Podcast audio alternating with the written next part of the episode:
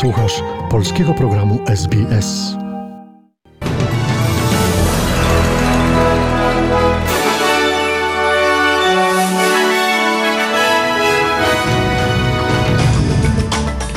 Oto skrót najważniejszych doniesień w niedzielę 27 marca. Szef Skarbu Państwa Josh Frydenberg obiecuje złagodzenie presji na koszty życia w Australii. Rakiety, które spadły wczoraj na Lwów, zostały wystrzelone z Sewastopola na Krymie. Ostre słowa prezydenta USA Joe Bidena w przemówieniu na Zamku Królewskim w Warszawie.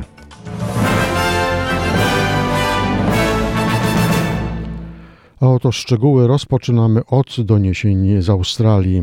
Szef Skarbu Państwa Josh Frydenberg obiecuje australijskim rodzinom, że we wtorek w budżecie zostaną wprowadzone środki mające na celu złagodzenie presji na koszty utrzymania.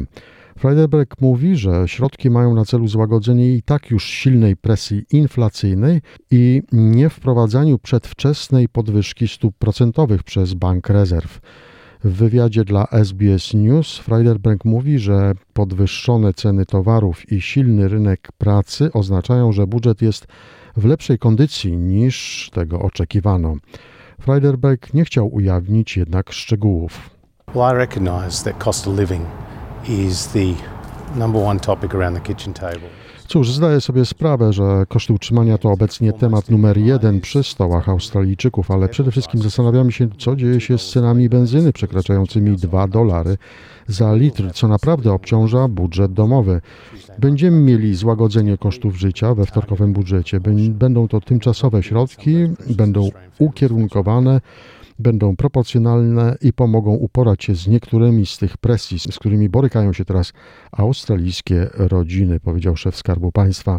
Tymczasem skarbnik Partii Pracy w gabinecie cieni, Jim Chaunes, powiedział ABC, że koszty utrzymania są w dużej mierze spowodowane niepowodzeniem polityki finansowej koalicji rządowej prowadzonej przez 10 lat.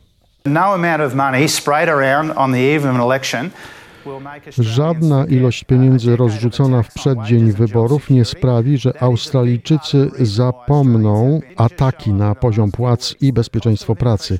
Jest to w dużej części powód, dla którego Australijczycy są pod presją kosztów utrzymania. Nie pojawiły się one w ciągu ostatnich kilku tygodni. Koszty utrzymania, z jakimi borykały się rodziny australijskie, nie pojawiły się, gdy Rosja najechała Ukrainę. Pojawiły się, gdy koalicja atakowała pensje i zabierała płace domowe. Nic nie zmieni tej fundamentalnej rzeczywistości, powiedział szef Skarbu Państwa w gabinecie cieni.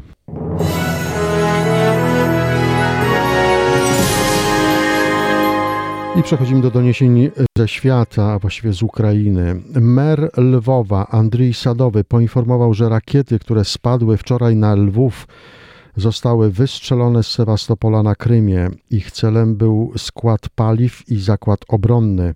Jak poinformował Sadowy, nikt nie zginął, pięć osób zostało rannych. Mer Lwowa dodał, że fala uderzeniowa uszkodziła szkoły i przedszkola, wyleciały też okna budynków. Jego zdaniem sobotnie ostrzały były sygnałem ze strony Putina dla przebywającego w tym czasie w Polsce prezydenta Stanów Zjednoczonych Joe Bidena. Myślę, że dzisiejszymi atakami agresor chciał przywitać się z prezydentem Bidenem, który jest teraz w Polsce, ponieważ Lwów jest tylko od Polski oddalony 70 kilometrów. Myślę, że cały świat musi zrozumieć, że zagrożenie jest niezwykle poważne, powiedział mer Lwowa. Tymczasem prezydent USA Joe Biden w przemówieniu na Zamku Królewskim w Warszawie podkreślał konieczność kontynuowania walki o demokrację. Zaapelował o jedność Zachodu. Zapewniał też Ukrainę o pełnym wsparciu jej oporu przeciwko rosyjskiemu najeźdźcy. Prezydent podziękował także Polakom za bezinteresowną pomoc uchodźcom z Ukrainy, za, cytujemy, otwarcie dla nich serc. Przemówieniu na Placu Zamkowym przysłuchiwało się kilkaset osób, w tym polscy politycy, przedstawiciele świata nauki, kultury i dyplomacji, a także grupa ukraińskich rodzin z dziećmi. Prezydent Joe Biden zasugerował też, że chciałby zmiany władzy w Rosji. Zaznaczył, że Władimir Putin nie powinien znajdować się u władzy. Podkreślił też, że Rosja nie wygra wojny z Ukrainą. O szczegółach Wojciech Cegielski z Informacyjnej Agencji Radiowej. Ladies and gentlemen, the President of the United States Prezydent Joe Biden mówił w Warszawie, że Władimir Putin jest osobiście odpowiedzialny za cierpienie Ukraińców i za skalę zniszczeń. Zarzucił rosyjskiemu prezydentowi cyniczne kłamstwa na temat powodów inwazji.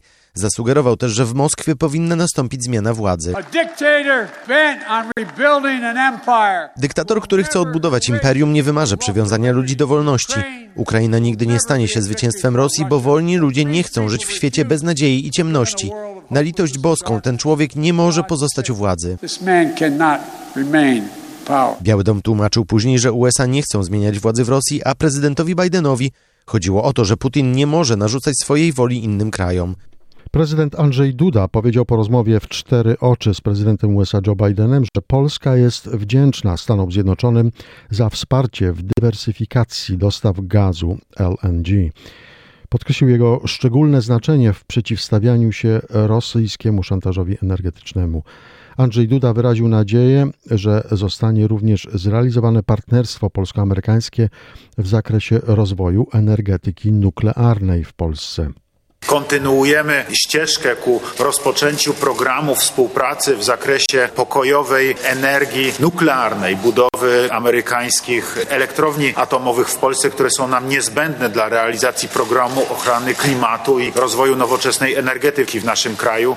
Wierzę głęboko w to, że to partnerstwo pomiędzy Stanami Zjednoczonymi a Polską w zakresie rozwoju energetyki nuklearnej w naszym kraju we współpracy ścisłej pomiędzy naszymi krajami będzie zrealizowane. Nowe sankcje wobec Rosji były tematem rozmowy szefa ukraińskiego MSZ Dmytra Kułeby z sekretarzem stanu USA Antony Blinkenem. W spotkaniu w Warszawie uczestniczyli także sekretarz obrony USA Lloyd Austin i szef ukraińskiego MON Oleksiej Reznikow. Ukraińska delegacja spotkała się także z prezydentem USA Joe Bidenem. Omawiano też kwestię dostaw amerykańskiej broni dla Ukrainy. Dmytro Kuleba podkreślił, że USA wprowadziły niedawno kolejny pakiet sankcji wobec Rosji. Jak dodał, trwają również prace nad kolejnym. Ukraina wniosła swoje propozycje. Питання закриття американських по- та європейських портів для російських кораблів та вантажів. Chodzi o zamknięcie amerykańskich i europejskich portów dla statków i towarów z Rosji. Mówiliśmy też o tym, żeby zastosować indywidualne sankcje nie tylko wobec rosyjskich oligarchów i najbliższego otoczenia Putina, ale wobec wszystkich ważnych polityków Federacji Rosyjskiej, bo wszyscy oni są częścią agresywnej rosyjskiej machiny. Tymczasem rosyjskie wojsko weszło do Sławutycza na północy Ukrainy. Mieszkańcy 25-tysięcznego miasta w obwodzie kijowskim protestowali przeciw okupacji. Rosyjscy żołnierze użyli broni. O szczegółach Paweł Buszko z Informacyjnej Agencji Radiowej. Jak informują władze obwodu, rosyjscy okupanci wdarli się do miasta dzisiaj, zajęli szpital miejski. Naprzeciwko rosyjskich żołnierzy wyszedł tłum mieszkańców miasta. Krzyczeli patriotyczne hasła oraz hasła skierowane bezpośrednio do rosyjskich okupantów. Wracajcie do domu. Rosjanie użyli granatów hukowych, gazu i broni palnej. Są informacje o rannych. Sławutycz to miasto oddalone o około 60 km na wschód od elektrowni atomowej w Czarnobylu. Do tej pory do podobnych demonstracji przeciwko obecności rosyjskich okupantów dochodziło na południu Ukrainy, m.in. w Chersoniu, Berdiańsku i Melitopolu. Jeszcze dwie informacje z Polski. Koniec z izolacją, kwarantanną i maseczkami.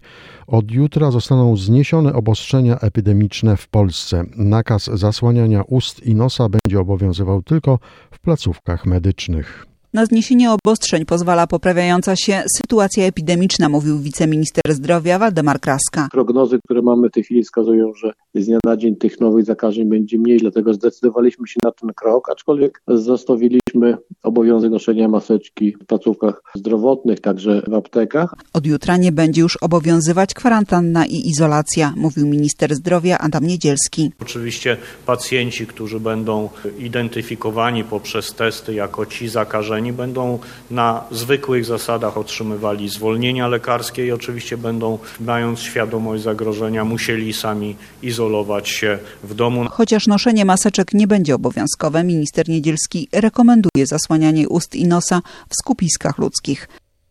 I na zakończenie jeszcze jedna informacja. Dziś obchodzimy 60. Międzynarodowy Dzień Teatru. W tym roku jego symbolem stał się zbombardowany teatr w Mariupoliu na Ukrainie. Napisała w polskim orędziu Monika Strzępka i dramatyczny kolektyw. Kiedy dziś myślimy teatr, przed naszymi oczami najpierw zjawia się obraz roztrzaskanego pociskami rakietowymi Donieckiego Regionalnego Teatru Dramatycznego w Mariupolu z ogromnym napisem Dietie na placu przed budynkiem.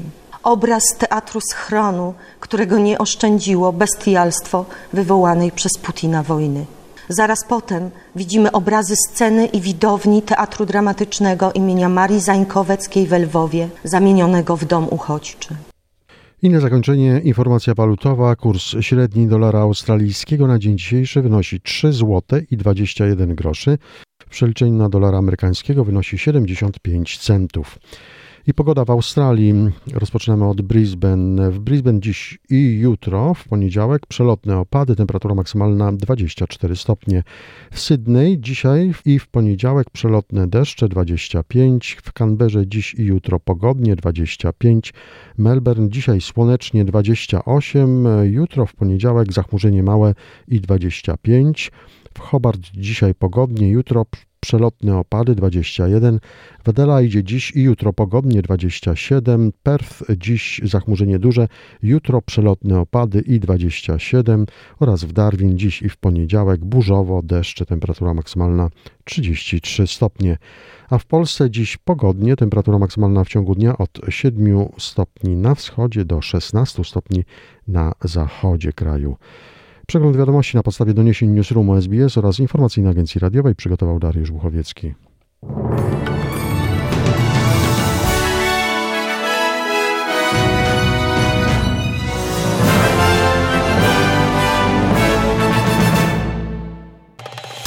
Polub nas na Facebooku, udostępnij innym, skomentuj, bądź z nami na polskim Facebooku SBS.